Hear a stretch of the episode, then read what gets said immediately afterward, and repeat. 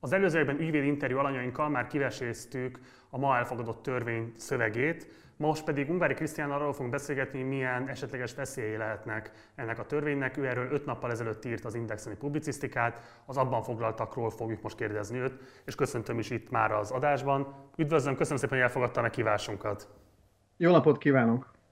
Ugye Valós tény és büntethetőség, ez volt a cím a publicisztikájának, amelyben Koltai András korábbi írására reagál. Kérem, hogy röviden foglalja össze, hogy mi volt a legfontosabb állítása, amivel cáfolta Koltai András állításait.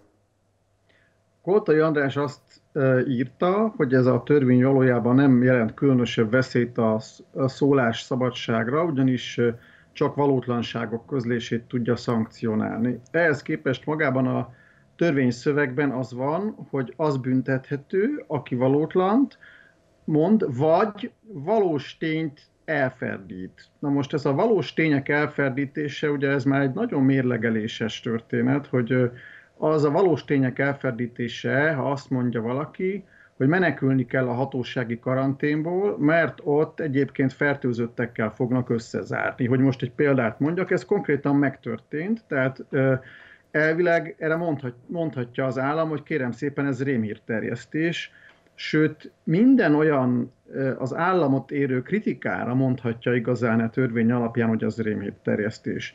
És a legfontosabb, amit a cikkbe be se írtam, mert hogy akkor nem néztem meg, elvileg a hatályos büntető törvénykönyv az tartalmaz egy paragrafust arról, hogy a rémhír terjesztés büntetendő, illetve büntethető, egyébként nagyon helyesen, tehát ez a tényállás létezik, azonban abban a paragrafusban az van, hogy csak akkor büntethető, hogyha a rémhírterjesztés helyszínén, ezt kiemelném, ö, olyan helyzet állhat ö, elő, ami ténylegesen veszélyezteti az ott folyó tevékenységet. Magyarán, hogyha valaki kimegy egy kórházba, a kórházi betegek előtt elkezdi azt mondani, hogy itt meggyilkolnak benneteket, meneküljetek, akkor ez a jelenleg hatályos BTK alapján is büntethető lett volna. Semmiféle magyarázatot nem kaptunk arra, hogy miért kellett a jelenlegin is messze túlmenő módon, olyan módon, amiben nem csak az büntethető, ha valaki úgymond valós tényt önmagában elferdít, és ezzel pánikot kelt, hanem az is büntethető, hogyha valaki valós tényt elfedít, és ezzel egyáltalán csak elméletben lehetővé teszi, úgymond a rémhírterjesztést. Tehát annak gyakorlatilag meg se kell valósulnia, ez alapján pedig gyakorlatilag minden újságíróra, illetve minden interjú alanyra, így például rám ebben a műsorban ráúzható lesz az, hogy én rémhírt keltek, amikor a kormány teljesen túlterjengő jogalkotását kritizálom. Ugye azok a kormánypárti apologéták, akik esetlegesen cáfolták vagy önt, vagy mást, aki ezt az érvet felhozta, ők arra utalnak, hogy, és most idézem a törvény szövegét, hogy a különleges jogrend idején, aki nagy nyilvánosság előtt olyan valótlan tényt vagy valós tényt oly módon elferdítve állít vagy híresztel, tehát hogy rájuk vonatkozik ez az új szabályozás. Miért gondolja azt, hogy meglehetősen laza értelmezésekre ad lehetőséget az a megfogalmazás, hogy a valós tényt oly módon elferdítve állítókra vonatkozik a szabályozás? Miért gondolja azt, hogy ez nem egy kielégítő és nem eléggé exakt megfogalmazás?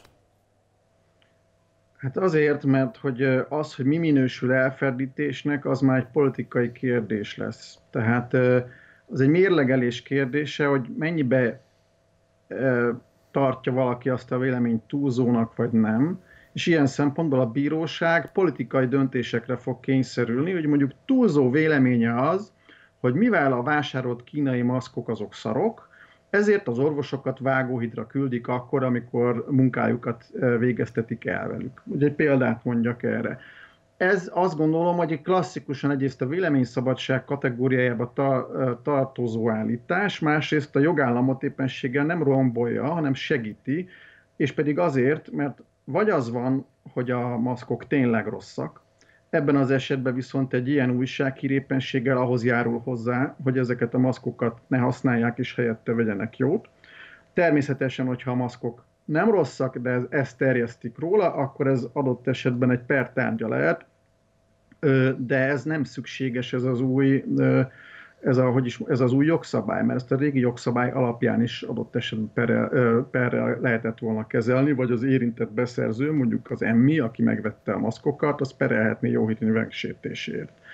Úgyhogy ha mérlegeljük azt, hogy mi van az egyik és a másik kezemben a törvény kapcsán, akkor én az előnyöket egyrészt nem látom, csak a hátrányokat. Másrészt én nem tudok arról, hogy az én cikkemre bármi cáfolat aztán érkezett volna, hogyha ön tud ilyet, akkor azt majd mondja meg nekem, mert nem olvastam nem a konkrét cikkre, hanem általában erre az állításra reagáltak az többen ilyen kormánypárti megmondó emberek, hogy, hogy ez nem jelent akkora veszélyt, mint amekkorát a kritikusok ennek a rendelkezésnek tulajdonítanak. Egyébként az általunk megkérdezett ügyvédek úgy fogalmaztak, hogy ők nehezen látják azt, hogy van olyan büntetőbíró az országban, aki ez alapján képes lenne ítéletet hozni, de önmagában azt is komoly veszélynek látják, hogy esetlegesen eljárások indulhatnak majd el Ön melyikben látja inkább a komolyabb veszélyforrást? Látja azt, hogy esetlegesen emiatt lehetséges, hogy majd ítéleteket, elmarasztaló ítéleteket hoznak meg?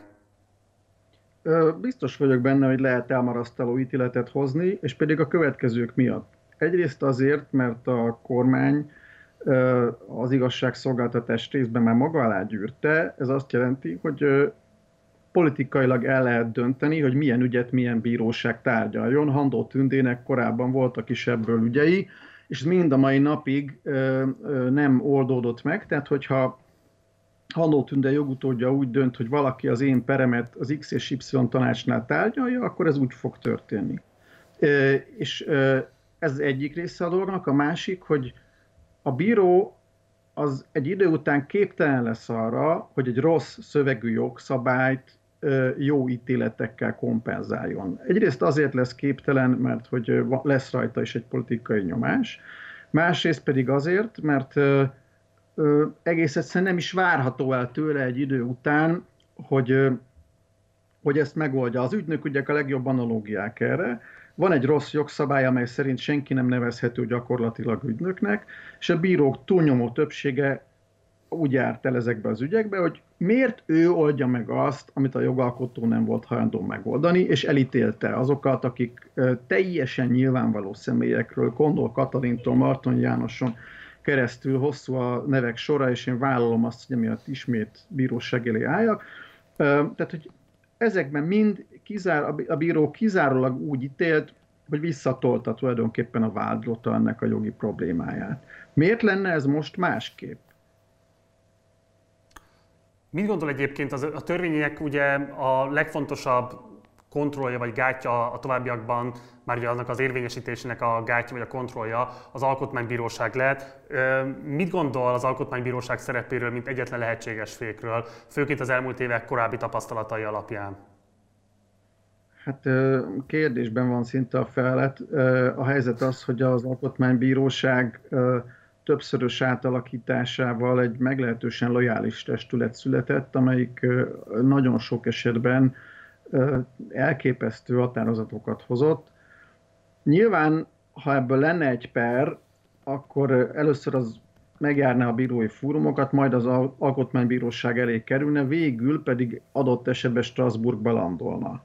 De hát a, az már önmagában bőven elég, hogy a sajtó ettől az egésztől megretten, pontosabban a sajtó képviselői nem kívánják majd magukra venni azt a tortúrát, amit egy Strasburgig menés jelent. Ez egy majdnem tíz év. Ha választani lehet a között, hogy valamit esetleg inkább mégse írunk meg, vagy pedig kockáztatunk, akkor önmagában már ott sérül a demokrácia, hogy felmerülhet egy csomó újságíróba, hogy legjobb tudása ellenére nem ír meg bizonyos anomáliákat, holott ezekből az anomáliákból tanulhatna az ország, és ezekből javíthatná azt az állapotot, amiben van. Tehát jelenleg én nem tudok olyan rémhírekről, amelyek a kormány politikáját komolyan veszélyeztetnék, amelyek miatt a védekezés lehet, lehetetlenné válna, sőt elméletileg is elég nehezen tudok elképzelni ilyet. Ehhez képest viszont, hogyha meghallgatom a kormányzat nyilatkozatait, akkor azok nagyon is adnak alapot kritikákra, kezdve attól az állítástól, hogy az EU nem fizet nekünk semmit, de a Kipcsak tanács viszont segíti a vírus elleni védekezést, ami egész egyszerűen hajmeresztő, és folytatva még attól a tojástánctól, amit hogy kell-e maszk, nem kell-e maszk, bezárjuk az iskolát, ne zárjuk be az iskolát, és még folytathatnám. Amivel nem az a baj, hogy adott esetben a döntéshozó is bizonytalan, mert miért legyen biztos egy olyan helyzetben, amivel most szembesül először. Hanem az a baj, hogy bizonytalan, ám de azt követeli meg tőlem, hogy én feltétel nélkül minden áron bízzak meg benne. Miközben ehhez nem szolgáltatott alapot. Sőt, hogyha azt nézzük, hogy mennyiben lettek Magyarországon figyelembe véve kisebbségi vélemények, mennyiben lett betartva a jogállamiság, mennyire tudta magát korlátozni a jogalkotó, akkor bizony nagyon-nagyon rossz tapasztalataink vannak. Záró kérdés, ugye történész, tudnál mondani esetleg egy olyan rezsimet a 20. századi magyar történelemből, amely hasonlóan korlátozó intézkedést vezetett volna be? Tehát mikor volt erre utoljára példa a magyar történelemben?